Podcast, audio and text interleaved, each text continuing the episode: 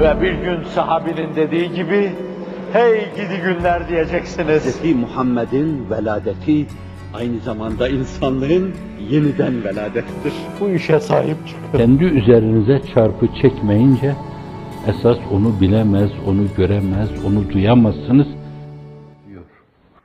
Bir dava adamı bir mefkure insanı, mefkure tabirini ideal karşısında dilimize Ziya Gökalp kazandırmıştır. Fakat sizin tanıdığınız Firimuhan gayeyi hayal tabirini kullanıyor. Gayeyi hayal bir insanın hayatının gayesi olması demektir. Gayeyi hayal olmazsa ya nisyan veya tenasi edilse ezhan enellere döner etrafta gezer.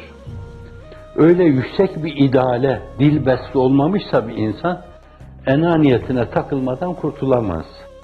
Bazen egoist olur, bazen egosantrist olur, bazen narsist olur. Hafizan Allah. Emsali kesiretiyle günümüzde size işte bakın şunları görün falan demeye lüzum yok. Başınızı kaldırıp böyle en yakından uzağa doğru baktığında Cenab-ı Hak sizi mahrum etmemiş binlercesiyle karşı karşıya gelebilirsiniz.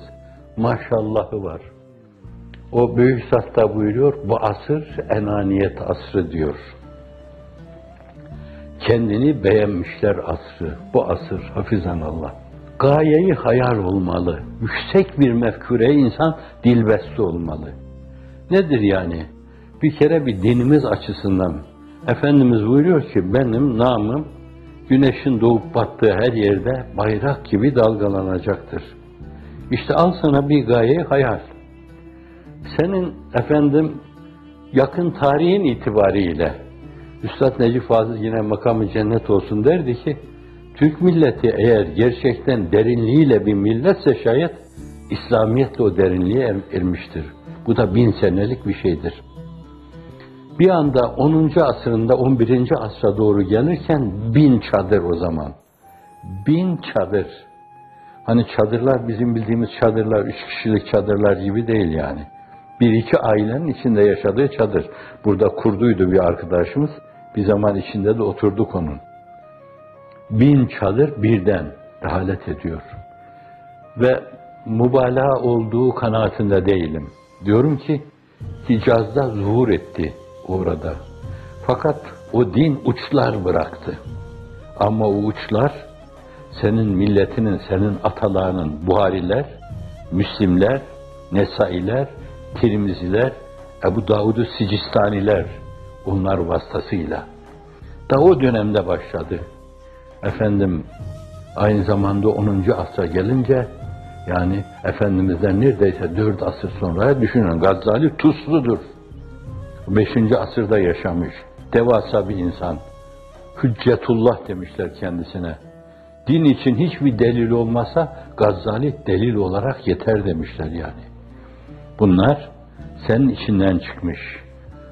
Bu açıdan da senin geleneklerin ve kültürün, kültür değerlerin var. Sen bunları dünyanın değişik yerlerine götürdüğün, sergilediğin, meşherlerini yaptığın zaman hüsnü kabul gördüler. Ama insan olarak başkalarının da sergilediği güzel şeyler vardır. Bakın şimdi siz cebri hicrete maruz kalmışsınız. Adam evinin anahtarlarını veriyor. Bir sıkıntıya maruz kalmayın, maaşımın yarısını veriyorum diyor. Demek ki insan olarak çok insanlarda insana şayeste bir kısım değerler var. Demek ki karşılıklı bir taati oluyor. Temel disiplinlerinizle bizim, temel esaslarınızla bir yönüyle filtreden geçirilmiş. Kalibrasyon görmüş. Değerleriniz var, gelenekleriniz var, ananeleriniz var. Bunların çoğuna da tali derecede edille-i şeriye diyoruz. Kitap, sünnet, icma ümmet, kıyası fukaha. Ama örf, adet, gelenekler var bunlar.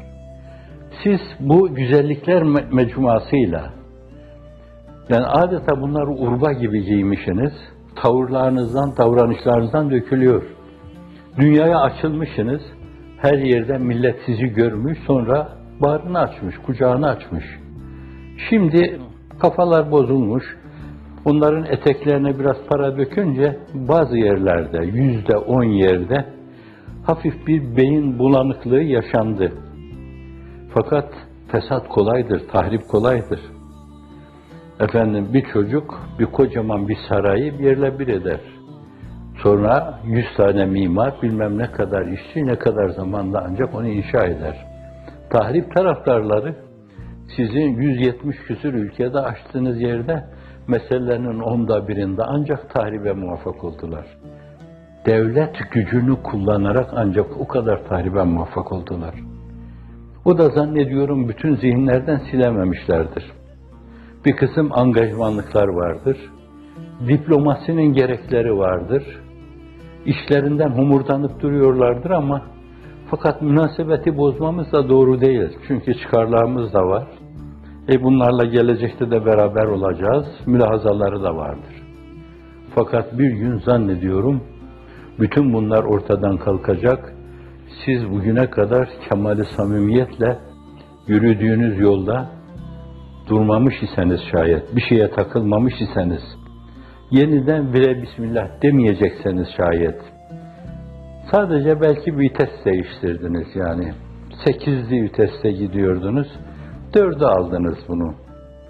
Efendim karşınıza bir araba çıkar, efendim yürüyeceği şeridi bilmeyen biriyle karşılaşabilirsiniz. Ne mi lazım? Trafiğe sebebiyet vermiş oluruz filan vites değiştirdiniz.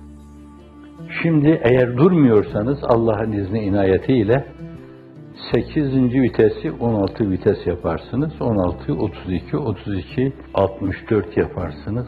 Daha üstü var mı uçaklarınki olur. Neyse olduğu kadar olsun. Allah'ın inayeti sizinle olsun. 嗯。